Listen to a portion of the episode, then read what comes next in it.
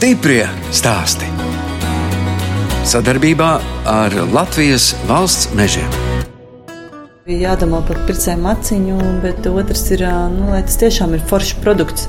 Bet, ja ir foršs produkts un cilvēkam patiks, tad maciņš arī atvērsies. Vienu brīdi arī gribēju ražot no tīras un dzīves izmaksas ļoti labas. Bet man nepatīk tas produkts. Piemēram, šeit ir ar zīdu. Tā cena ir reizes trīs kilogramam dzīves, bet viņš ir izskatās labāk, es jūtos viņā labāk, viņš arī kalpo labāk. Kā mēs smējamies, mēs neesam Ķīna un nebūsim. Darba spēks mums ir dārgāks. Eh, materiāls ir tas, ko mēs varam pielikt klāt, un attieksme un uh, kvalitāte. Tā saka Maija Baloda no Ogres, uzņēmuma Maija Maija īpašniece un valdes priekšsēdētāja. Es, žurnāliste Daina Zalamane, ar Maiju tiekos bijušajā Ogres trikotāžas kombināta telpās, kur Maija pirms diviem gadiem izveidojusi nelielu ražotni. Māja dzimusi un arī tagad ar vīru un diviem dēliem dzīvo Ogres novada Suntežu pagastā. Uzaugām dzīvoklīs, tāds ciema centra bērns ar eh, manu māsu un brālis. Suntažos bija arī vidusskola? Vidusskola, jā, to arī pabeidzu. Arī māsu un brālis ir pabeidz.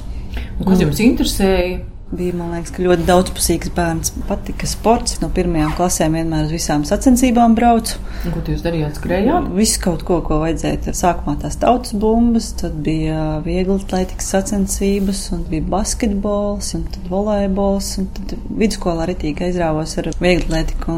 Tas man ļāva sastruktūrizēt laiku, un vidusskolā es ļoti daudz ko varēju izdarīt. Es biju piedalījies tur olimpiādēs, kultūra vēsture, matemātika bija tāds veselības konkurss, kur bija par cilvēku fizioloģiju jāmācās. Tikām ar māsu uz republikas konkursu. Nu, tāda kārtīga meitene. Jā, jā, jā, man patika mācīties. No otras puses, drusciņi neļāva izkristalizēt varbūt tādas spēcīgākās intereses. Rokdarbi arī jums patika bērnībā? Jā, adīšana ļoti patika un visu laiku kāds džempers stāvēja vai pat divi, trīs iesākti no tās pašas ogras trikotāžas dzīves, kur bija tādi smalki un tad bija no vairākiem kamoliņiem jāsaliek kopā jāda. Nu, mēs bijām trīs bērnu ģimene un tie ienākumi bija cik bija. Līdz ar to gribējās varbūt vēl kādu jaunu apģērbu gabalu. Man arī patika, tas likās interesanti un smuki. Un tāpēc arī jādīja mamma adīja, un tas visu laiku gāja līdzi. Bija dārzs un uh, vasarās iekalta nu, mālaina zeme, tad, kad bija ļoti karsts, tur vispār kapli nevarēja zemē dabūt iekšā. Bet nu, kaut ko jau audzējām savām vajadzībām. Un, Kādu gurķu tomātu? Jā, jā, jā, kartupeli un zemenes drusciņi bija un kāpostiņš, nu, no visa pa drusciņai bija. Nesām tur, piemēram, sīpolus paiņus, no pagrabi jau patālu bija kaut kāds kilometrs sanāca. Vecumam arī jau 90. gadu sākumā vairs nebija lopi. Kad vēl tēvs bija, tad vēl bija tur kāds pāris govis. Un kas bija mamma pēc profesijas? Grāmatvede. Un manā māsā šobrīd ir grāmatā, tā kā viens ir turpinātājs. nu, tēti vēl pieminiet. Tētis, jā, mums bija arī ļoti daudzpusīgs, bet, diemžēl, viņš nositās, nomira, kad bija pieci gadi. Man Viņš bija ļoti apdāvināts cilvēks, ļoti muzikāls. Mācīja spēlēt gan akordionu, ģitāru, harmonikas, un pat vienās kāzās izglāba kāzas, piesēdās pie klavierēm un nospēlēja visu vakaru dančus. Un tētis, kas bija pēc profesijas? Traktorists. Viņš uz kombinācijas strādāja. Daudz ko viņš televīzijos laboja. Viņam bija arī skaisti tie dedzināšanas darbi. Kokā bija mums jau tādā veidā. Lodām ļoti skaisti ar viņiem bija tādi divi stārķi, kas lido debesīs. Pēc tam mamma viņam pasūtīja, kā pakmenīties stārķi. Tagad ir daudzpusīgs cilvēks, talantīgs. Bija. Kā jūs izdomājāt iet mācīties uz Bankokas skolu? Vairāk jau bija tā kā varbūt mammas ieteikums un vēlme. Vai kaut ko tādu pavadību Jā, es iesāku mācīties uzņēmējdarbības informātika. Viņa otrajā kursā nepabeidzu, es pārgāju uz citu programmu, jo, diemžēl, mamma aizgāja viņa saulē un tad vajadzēja strādāt. Un vakaros nebija tās programmas, tad es pārgāju tīri uz uzņēmējiem. Ar tādu domu, ka būsiet uzņēmēji? Nē, īstenībā tad ne, vispār nē. Kaut gan tādas uzņēmēja iezīmes bija jau vidusskolā, ka es tur pirmo džemperi uzvedīju tagadējā vīra māsai. Par naudu? Jā, un pēc tam es skolā palīdzēju klases biedriem kaut kādus darbiņus, projektu uztaisīt. Un viņi jums maksāja? Jā, jā, bija tur. Nu, nebija daudz tādu. Trīs lati bija, man liekas, jā, bet tas Vai bija tāds, ne, tad jau tā bija diezgan laba naudiņa. Un, uh, Pat ar mācībām nopelnīja naudu, tā kā mums maksāja par olimpiādēm visām sacensībām. Bija labi rezultāti. Skola arī maksāja. Kaut kādi 40 lati toreiz salasījās kopā. Gada noslēgumā skola izmaksāja. Man liekas, ka tas bija tāds. Toreiz ar mammu vienojāmies, ieguldījām divritenī. Toreiz divritenis tāds labs maksāja ap 100 latiem. Augstskolā es izlēmu, ka man jāizmanto studentu iespējas un pieteicos darbam uz Ameriku. Klauvēju cilvēkiem pie durvīm un pārdevu grāmatas. Tas bija tāds labs piedzīvojums. To, ko tu pārdod, tie ir tavi ikdienas tēriņiem naudiņa. Sanāca, ka Amerikā es nopirku savu pirmo automašīnu. Merkurī 95. gada. Bet ko jūs ar viņu izdarījāt? Taču nevarējāt atrast uz Latviju. Viņa man, diemžēl, nodeva. Es aizbraucu arī Erasmus apmaiņas studijās uz Beļģiju, un pēc tam praksē vēl bija, bija labs piedzīvojums. Ir ko atcerēties, ir arī ārzemju draugi. Forši, man liekas, tāds ne visi to izmanto un ne visi to grib. Un tie, kas grib un izmanto, tie visi ir priecīgi un es tā skaitā. Kāpēc jums likās, nu, ka tik svarīga tā izglītība? Nu, mums vienmēr mamma un vecumā atgādināja, ka izglītība vajag, un tā arī ir. Tomēr ciedot tādu bāzi un paziņu loku. Tagad, kāpēc aizgāju mācīties plašāku redzesloku, tam arī tagad mācīties maģistrantūru Rīgas biznesa skolā, tieši uzņēmē darbībā. Pavar iespējas iepazīties ar citiem līdzīgi domājošiem, ieinteresētiem cilvēkiem. Tur tā koncentrēti var viņus satikt un arī pasniedzēji interesanti. Un, Jo neviens jau jums neprasa tagad tos izglītības dokumentus. Protams, neviens, ne? jā, ja jums jā. ir savs bizness. Var darīt, ko jā. Izglītības diploms nenodrošina to, ka tu esi labs uzņēmējs.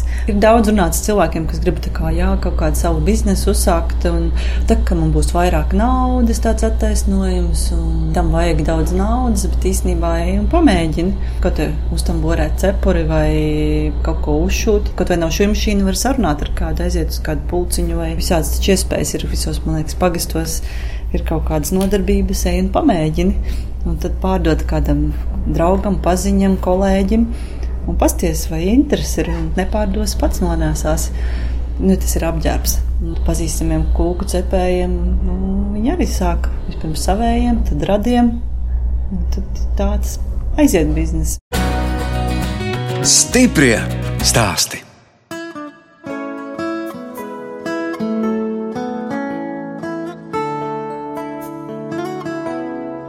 Jūs klausāties raidījumu stipri stāstī. Šoreiz ciemojos pie uzņēmējas mājas balodes ogrē. Krīzes laikā pirms sešiem gadiem savu privāto biznesu viņa sāka kā mājražotāja, mājās atdot trikotāžas izstrādājumus uz mašīnas. Tad jau bija pirmais vasarā tirdziņš Brīvdabas muzejā ar asarām un neveiksmīgs, tas bija mans pierādījums, ka tu nevari ražot tikai kaut ko, lai pārdotu, bet tev jāražo tiešām, kas tev patīk un ko tu pats varbūt nesāt labprāt. Es biju uzdījis labas lietas, līnijas ar zīdu, mežģīnu šāles. Protams, tās šāles visas jau tajā vasarā pēc tam pakāpeniski pārdevu uz ārzemēm, caur reciju un visu, bet tajā tirdziņā bija pirmā rūktā pieredze. Un pēc tam es sataisīju jakas, un tās ieinteresēja cilvēkus. Tās joprojām ir viens no labāk pārdotajiem produktiem. Kā pirmo aplaušanos vajadzēja, labi, ka tas notika tik ātri. Pienāca laiks, kad māja ražošana sāka traucēt ģimenes dzīvei, tāpēc pirms diviem gadiem māja izveidoja ražotni Ogrē, bijušā trikotāžas kombināta telpās. Ēka ir milzīga, septiņu futbola laukumu garumā, Izejam caur metāla vārtiņiem, kādi saglabājušies no padomi laikiem, un esam mājas uzņēmumā. Telpās atrodas sadām mašīnas, kas pirms tam bija ogres trikotāžas kombināta filiālē Daugopilī. Ražotnē strādā piecas darbinieces. Adīšana notiek automātiski. Jā, viens cilvēks visu sakārto un uzstāda mašīnas, ieliek programmu un ada tālāk. Mums viss ir diezgan dārgas zīves, tāpēc arī viņas ļoti efektīvi jāizmanto līdz galam. Nemetam zīves ārā, mēs viņus arī maksimāli izmantojam līdz galam. Sagatavas, kas ir uzdīts un gaida šūšanu, uh, uz ketelēšanu. Tā šūšana, šūšana notiek ar rokām? Nē, uz mašīnas saliek ar rociņām, smalki vīlītes, vīlītē. Te laikam notiek tā sašūšana. Tā ir tā arī apaļa tā virsma, un tad sadur uz tādām mazām, mazām adatiņām. Mazām ja? adatiņām, jā. jā. Nu jā, tā vīla ir elastīga, smuka. Nu, tā ir garantīva. Jo šī mašīnas var sašūt, bet tad nebūs neakurāta, ne arī tā kvalitāte. Šeit ir koku un sīda džemperīši. Tie ir smalkāks sadījums. Tur vēl mazākas tās cilpiņas, un tad vēl grūtāk viņas uzlikt. Prasa labu redzi un koncentrēšanos. Aizvērtam acu. Varam strādāt. Tik profesionāli. Jā. Nākošais posms pēc šūšanas ir mazgāšana. Pareizi, redz, kur jums veļas mašīnas stāv. Pagājušajā gadā tā bija lielākā investīcija pēc ražotnes iegādes. Ražošanas iekārtas ir lietotas pirkt veļas mašīnu un žāvētājs ir jauni. Visu mazgājumu, jo tad iegūst pareizo formu, izmēru, mīkstumu. Jo citādāk, kad klients nopērk nemazgāt, viņš jau nezina, kā pēc tam iznāks. Varbūt pa maz, varbūt izstiepsies. Un redz, cik skaļi rūtas gludeklis. Tas ir tvaika nosūcējs. Nosūc lieko mitrumu, kad gludina, nostiprina adījumu. Darbinieks ar tā arī skaitās gludinātājs. Jā, mazgātājs, gludināšanas operators. Redz, gludekli nemaz īsti varbūt neuzliek virsū, jā? Nedrīkst likt, jo tad adījums spīd. Viņi tikai ar tvaiku apstrādā piedod tā kā formu un izmērus un tāds smalks darbiņš. Sarunu turpinām mājas balodas kabinetā, kas atrodas pa vidu starp ražošanas telpām. Māja ik pa brīdim komentē, kura mašīna šobrīd darbojas. Bija sākumā vairāki vecie darbinieki, kas palīdzēja ar kontaktiem, kaut kādiem padomiem, jo no māju ražotāja par ražotāju, tomēr bija jāuzņem jaunas zināšanas un pieredzes, kā visu darīt. Šīs ražošanas telpas atrodas bijušās grāmatvedības telpās. Tur, kur nauda saure ir. mums pietiek pagaidām 200 kvadrātmetriem. Tie ir gaiši, salīdzinot ar trikotāžu kombinātā. Viņiem bija cehos tumsa, bez logiem nesaprotu, vai diena vai naktis. Apkurte jau sen nav šajā ēkā, tā kā mums nācās ievilkt savu autonomo. Mums ir granulu katls, labs veids, kā ērti un efektīvi apsildīt telpas. Divreiz nedēļā pieber, reizi nedēļā vai divās iztīra no pelniem meitenes un ir forši. Nav neviena augsti. Te ir dažādi īrnieki, ir mēbeļnieki, ir bija šuvēji. Tagad ir arī darbnīcas radošiem cilvēkiem, te daudz vēl plašas telpas, kur izīrēt retro mašīnas stāvu. Pieredzi uzņēmēja darbībā māja guvusi gan biznesa inkubatorā Ogrē, gan viesojoties līdzīgā uzņēmumā Lietuvā. Liels uzņēmums, viņiem 60 mašīnas, man ir 6. man vienkārši gribējās paskatīties, kā viņi strādā, vai saprast, kas pietrūkst, ko vēl vajag. Vienkārši parunāties, jo Latvijā tomēr negrib tā dalīties, varbūt tomēr baidās no tās konkurences. Viņš jau arī sākumā tā mazliet šķīvi uz mani skatījās, bet jā, viņš izrādīja ražotni. Man beigās bija tāds tā kā iestājās sirdsmēs, viss kārtībā, ir jāturpina strādāt. Ko es zināju, kas man pietrūks, bija vējas mašīna un žāvētājs. Tos arī caur inkubatoru un altumu atbalstu iegādājos, kas brauc uz dzīves izstādi un tieši bija izstādītas tās veļas mašīnas kā prototipi, paraugi, ka var dzīvē apskatīties. Cik daudz visādas nianses jūs teicāt, tur sāli pat vajag pievienot? Tas ir ūdenim, te būtu mīksts ūdens un arī adījumiem. Priekš visas apstrādes vajag mīkstu ūdeni. Katrai dzīvē ir sava programma. Uzaicināja ciemos bijušo ogres tekstilu kombināta ķīmiķi. Viņi man sareitināja, cik kur mīkstinātāji vai mazgāšanas līdzekli vai etiķi, cik vajag parasto 30% etiķi. Etiķis ir krāsas noturībai. Viņš arī palīdz mīkstināt, viņš veido skābāku vidi un tieši kašmiram vai merīnu vilnai, lai tas produkts nāk tāds, kā viņam jāsanāk, augstsvērtīgam un kvalitīvam, mīkstam. Latvijas dzīves arī jūs izmantojat, jūs to itāļu tā kā pieminējāt? Ražoju to, kas manām sajūtām ir arī patīkams. Un, Modelis, tad jūs pati visu? Pat ir bijusi sadarbība ar vācieti, vācu dizaineru, kas grib atrast. Jums tā kā arī jāsako līdzi kādi toņi modē un jā, jā, kas notiek bet pasaulē. tur kaut kā intuīcija arī nostrādā. Šo skatos, jums daudz arī tādu pasteļu toņu. Bāzi, ko tu vari sakombinēt ar citām krāsām. Protams, ir, kas grib košās krāsas prasa, bet tomēr vismazāk pērk. Krāsas tādas pasteļkrāsas. Jā, es viņu saucu par saldējumu krāsām. Jā, viņu vajadzēs vienmēr. Jā, džemperi vajadzēs vienmēr. Šo ziemu patika legingi. Jūs izstrādājums nu, par jā. lētiem droši vien nevar nosaukt, jo jūs tur minējāt. Nu, vidējiem latvietiem ir vilna, jā. Un... Nu, viņš ir skaitās vidējs dārgs. Mums jau ļoti daudz patsāvīgie klienti atgriežas, jo viņi saprot, ko viņi pērk, par ko viņi maksā. Nu, mums jau tie priekšstati tādi, ka nu, latvieši mīl trikotāžu. Jā. Jā, vienmēr ir mīlējuši, bet pasaulē taču arī valkā trikotāžu. Mēs tā īpaši izceļamies. Varbūt tagad mazāk, bet man liekas, arī atgriežas pie rokadījumiem, patīk savu džemperi vai bērnam uzadīt kaut ko. Mums ir tās dziļās tradīcijas. Nu, tomēr mums ir tas klimats tāds, ka gribās siltumā un mīkstumā, un lai mums ir komfortabli. Un trikotāža tomēr ir tāds ērts apģērba veids. Ārzemēs visur saprot kašmiru, piemēram, merīnu vilnu. 100% visur visā pasaulē saprot. Pirmais vispār mēs atvērām uzreiz kā ražotni veikalu Rīgā maziņu. Jo nebrauks uz ogri pēc viena džempera tomēr. Vai, nu, Rīga tomēr ir tas centrs, kur visvairāk cilvēku dzīvo. lai strādā, jā. Tas likās tā kā loģisks solis, protams, traks solis. Simboliski, ka ļoti, ļoti sen tajās telpās bija dzīves veikals. Tagad tik paliekam kāds iegriežās jautājumu, vai ir atgriezies dzīves veikals. Un tas zīmols maija, maija, tas ir tā kā no jūsu vārda, no jā, maija. Jā. Un arī angliski tā lasa viņa maija, tā kā mans mans, patīk ārzemēs. Un, uh, un daudziem arī patīk mans vārds, jo arī tas ir internacionāls. Māja. Ka, jā, un eksportējam šobrīd Nīderlandi. Aizbrauc pirmo reizi uz starptautisku izstādi ar savu stendu. Un jau vasarā bija pasūtījums, tagad janvārī bijām uz otro. Tur man vēl klāt ir darbinieks. Uz pārdošanu nesen ir braukts arī uz ārzemju dizaina tirdziņiem Somijā un Zviedrijā. Kāda ir tā jūsu saikne ar ogres biznesa inkubatoru? Bija jauna programma, ka es vēl atbildu kritērijiem un varēju iestāties. Ierobežojumi, cik ilgi vispār nodarbojas ar biznesu? Jā, jā, biznesa cik gadi jauniem uzņēmumiem, jā. Līdz sešiem gadiem varbūt biznesa inkubatorā. Bet, ja jums jau bija šī izglītība uzņēmēja darbībā, tomēr nepieciešams bija tas inkubators? Finansiālais atbalsts tomēr es arī pirmo mājaslapu uztaisīju caur inkubatoru bija 80% atbalsts. Tagad ir 50% visam.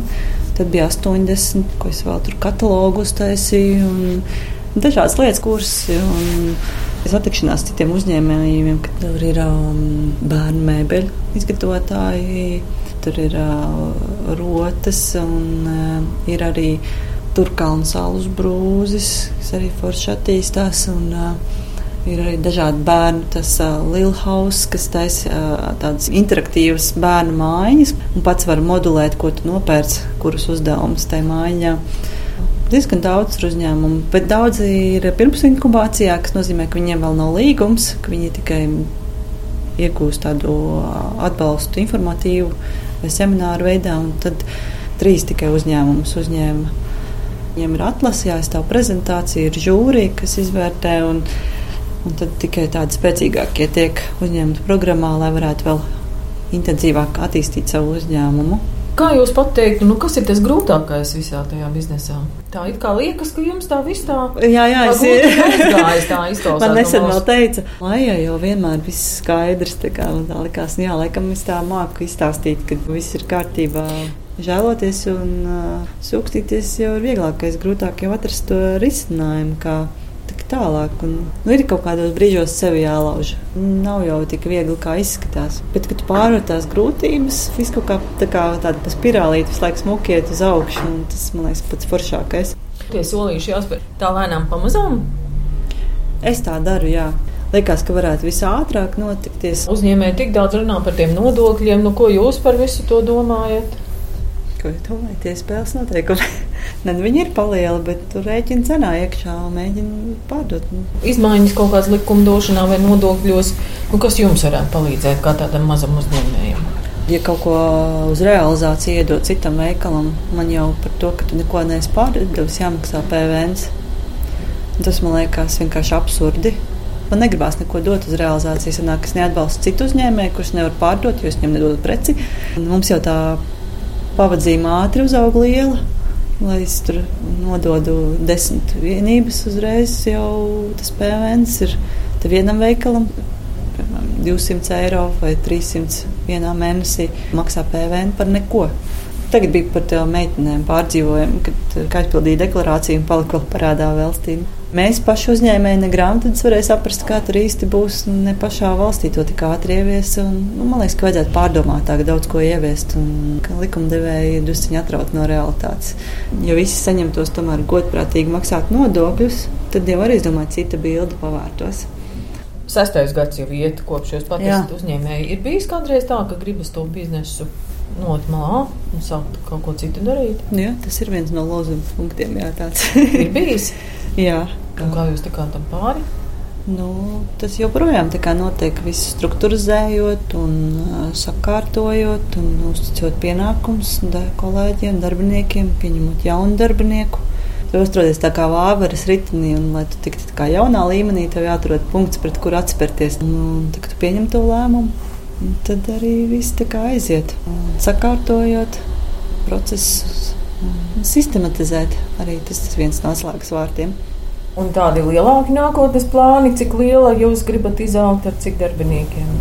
Ir tāda Nē, nu ir, viņi druskuļi mainās, kā desmit ražotnes darbinieki. Ja tur tiešām tos ražošanas apjomus tā izaudzē, tad vēl papildus šuvēju vajag gan uz ketelēšanu, gan uz parasto šūšanu. Un varbūt nākotnē vēl vienu gludinātāju. Vīzija ir, kā to visu attīstīt un sakārtot, lai tiešām būtu nepārtraukta ražošana.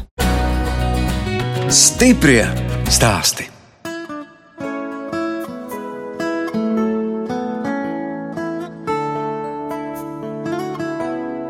Skan raidījums stipri stāsti. Šoreiz ciemojos pie uzņēmējas mājas balodas ogrē. Viņas ģimene, vīrs Mārcis un dēli Miķels un Matīs dzīvo viensētā ogres novada suntažu pagastā. Ko Jā. tad vīrs Mārcis dara? Viņš ir tirzniecības inženieris pārdod visādus inženieru risinājumus ražošanas uzņēmumiem, pirms, piemēram, ražot produktu. Atbild par tvaika produktiem. Bet viņš ir augots darbinieks. Jā. Vienmēr ir bijis atbalsts Jā, tam, ka jūs veidojat to savu uzņēmējdarbību. Viennozīmīgi. Pieskatot bērnus vai kaut ko palīdzot aizvest, atvest.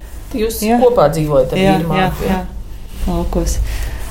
Viena no labākajām dāvanām arī bērniem ir vecāki tā saikne tā zināšanas un viss laiks. Un pēc tam, kad liels ir, man liekas, kad vienmēr uh, mīļas atmiņas ir. Jūs minējāt, ka tur sienas jāvāc, bērni redz arī nu, kaut ko vairāk jā. no tādas īstas lauku dzīves. Nu, jā, tagad brīvdienās zaļajām malku. Tad bērni palīdzēja. Mēs tur tas, protams, vieglākās baļķīšas. Cik bija bērniem gadi? Trīs un četri, bet bija arī brālēns un māsīts, un tad visi četri tur ņēmās melnām mutēm palīdzēt. Tad es skatījos, tieši bija valsts svētki, 4. maija. Tieši nodomāju, ka viss kārtībā ar jauno paudzi. Nebaidās no darbiem. Galvenais neliekat viņiem to prieku palīdzēt. Jo lielākā kļūda, ka mēs lielie viņiem daudz ko aizliedzam, tad viņiem pazūd interesi. Tad arī vēlāk tu gribi, lai viņi liela ir palīdzība, bet viņi vairs negrib tev palīdzēt. No pa suntažiem izstāstiet, kas tur notiek. Man liekas, ka suntaži arī labi attīstās un aktīvi cilvēki tur ir tādi pašdarbnieki. Protams, tur laikam būs nākotnē cīņa par vidusskolas eksistenci, bet nu, tas man liekas, ka daudzos ciematos tā ir. Tur nebija internāta skola. Internāta skola arī, bet, diemžēl, viņi laikam nākošais gads beigs pastāvēt. Tur jau tāds specializēts skolēns vajag tikai, lai to programmu uzturētu. Divas baznīcas, veikali arī uzņēmēji cītīgi darbojās. Aptieka mums ir atjaunot jauni īpašnieki. Ir. Un, uh, jā, sakārtojās centrs un darbojās. Cilvēkiem patīk. Kāds meklē, kur dzīves vietas. Es saku, ka Suntažos ir laba vieta, vēl uztaisīs ērgļu tos kangaru ceļus. Man liekas, super pieeja Rīgai līdz 40 minūtēs varētu līdz Rīgai tikt. Nu, jau kļūsiet par Rīgas guļamu rajonu. Nu jā, kāpēc ne? Tāds veicinās cilvēku kustību, jo nu, cilvēki jau no Rīgas arī pamazām kustās ārā. Mums arī kaimiņos rīdzinieki nopirka īpašumu. Gribēju braukt pie jums aprīlī. Jā. Kur jūs bijāt tajā laikā? Atvaļinājumā. Mēs aizbraucām uz Šrilanku. Tas ir tālu. Arī ar bērniem? Jā. Gribējāt izbaudīt saulītu. Mums patīk dažādas kultūras, patīk, kad ir kā cilvēki citādāk dzīvo. Viņi tikpat lieli kā Latvija, bet 20 miljoni cilvēki. Tas nozīmē, ka cilvēki visu laiku tur bija, kur tu brauc, visur ir cilvēki. Interesanti paskatīties, kā citi tur dzīvo. Varam novērtēt vairāk. To, kas mums pašiem ir. Jā, Nē, viennozīmīgi Latvijā mums ir viss forši un man liekas, ka jāpriecājās. Protams, ir daudz kas nesakārtots, bet pašam vienkārši ir jādara, jādara. Man liekas, ka mums ļoti daudz iespējas. Un, man gan mērķis bija šogad arī vairāk ar Latviju apskatīt būs jāmēģina tas izdarīt arī ne tikai braukt kā pārzemēm, bet arī pašu Latviju apskatīt. Tagad arī bijām vienu dienu, paņēmām brīvdienu. Bērni bija jāved atrādīties pie ārsta. Tas bija tā pavēldienā, un es izlēmu visus ņemšu savu brīvdienu. Braucām uz tīkla parku līgatnē un tad uz līgatnes dabas parku. Un bija diezgan tāds vējains lietains, bet mēs ar puikām trījā nostaigājām. Visus sešus kilometrus iztaigājām parku. Trīsgadnieks arī. Jā, un es nevienā brīdī viņu nenesu. Uzkāpām pat skatu torni, iztaigāju un redzēju visus dzīvniekus un izpētījām, ko kurš ēda. Tur tāds šķīvi uzzīmēti un tas katram šķīvi, tas, ko viņi tā kā ēda. Tas bija interesanti. Dzīvojot viensētā, tur jau vienmēr arī ir ko darīt. Jā, jā, jā. Omītē jāpalīdz. Tikko arī nopirka tirdziņā piecus cāļus. Bērni redz, kā atkal cāļi izaug par vistām. Viņas jau jāmaina ik pa laikam. Un cik tie jums te iznāk braukāt, tad cik tālu ir? 30 minūtes maksimums. Taisnība, Nav. labi pārslēgties no mājas dzīves uz darba dzīvi. jā, tieši tā. Pastīties pa ceļam, kā daba mainās dažādos gada laikos. Ja forši iziet uz terases, pasēdēt vakarā, tas kā gaisa smaržo apkārt un viss smuki un saulīt. Te stāv glezna ar to pusi, jā. Un tā ir jūsu zīmēta. Jā. Pirms nopirkt ražotni, es domāju, ka jāpievienojās suntažu gleznotāju meitenēm. Jā, mums tur ir forši gleznošanas nodarbības, kur dāmas iet bez vispār kādām priekšzināšanām. un Tagad pēc vairāk gadu prakses viņiem ir fantastisks gleznas. Izstādes ir taisas un prieks skatīties. Un tad es arī aizgāju pāris nodarbībām, uztaisīju savu peoniju, nopirku ražotni un tam vairs neatlika laika, jo nu, tad mājās vispār nebūtu savādāk. Bet nu, varbūt nākotnē kaut kad uh, varētu, jo zīmēšana vienmēr kā patikusi. Bet tas prasa tādu laiku un fokusēšanos. Un tagad es labāk rītus veltu sporta nodarbībām, lai arī skrienu. Jā, vīrs ar mani skrienu, un mēs gatavojamies tagad um, tēta maratonam. Viņš skries pusmaratonu, es desmit. Bez skriešanas visu ziemu gāju ogrē uz tādas skaitās angliski body art, kas ir tā kā intensīvāka joga ar kustīgiem elementiem. Ļoti laba lieta visam ķermenim, iekšējai muskulatūrai un fiziskās aktivitātes arī mentāli palīdz sportot. Vajag kustēties, vajag katram jāatrod savs. Arī nūjot man patīk laukos, kad es eju savus lielos apļus, desmit kilometri. Un tas tāds pusotra stunda intensīvi ārā. Jo, Māja, cik jūs daudzpusīgs cilvēks. Nu, kā vienmēr. Jā, nekur nav pazudis. Es laikam mierā nenosēdēšu. Mēs jau ir. Tā kā bija kaut kāds ar brīžiem pārdomas, ko kā darīt, vai kaut ko samazināt, vai ko. Ir saka, nu, tev tāpat jau nebūs miera. Tu kaut ko tāpat izdomāsi. Izstāstiet, kas jums vēl tur par tādu apbalvojumu. Tas stikli ir no Tartu modes skats pagājuši gadu. Tad bija pirmā modes skata, kur mēs parādījām kolekciju, sagatavo modelēm tārpus un lai viņas izietu. Un šogad vēlreiz braukšu un ceru pat vēl labāku rezultātu dabūt. Jā. Un Tad, jā, tur bija arī atzinība no Ogres novada domas caur inkubatoru, ka veiksmīgs uzņēmums. Kas Vienkārši. tur jūsu to foto ir Jā, tas uz inkubātora gada jubileja. Katram inkubātora dalībniekam bija karikatūra, un tur esmu kā siltuma nesēja. Man liekas, ļoti mīļi. Nu, Jā. jūs jau cilvēkus apģērbiet. Jā, jā. Nu, Laukos ir perspektīvas tikai. Nu, Visam ir atslēgas vārds darbošanās, darbs un vēlme kaut ko darīt. Un tad jau būs.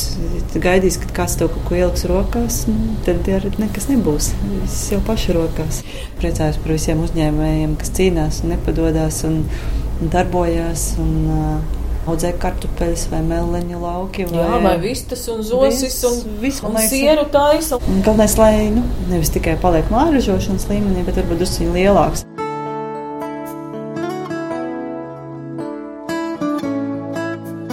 Redījums stipri stāsti izskan, un mēs atvadāmies no uzņēmējas mājas balodes, kas bijušajā ogres trikotāžas kombinātā izveidojusi uzņēmuma mājmāja ražotni un dod darbu pieciem darbiniekiem.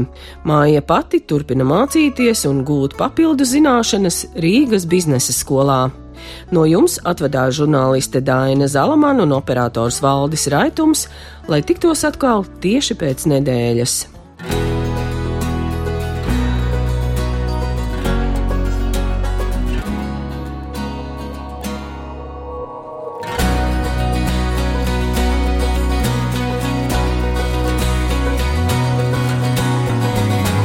Stiprie stāsti.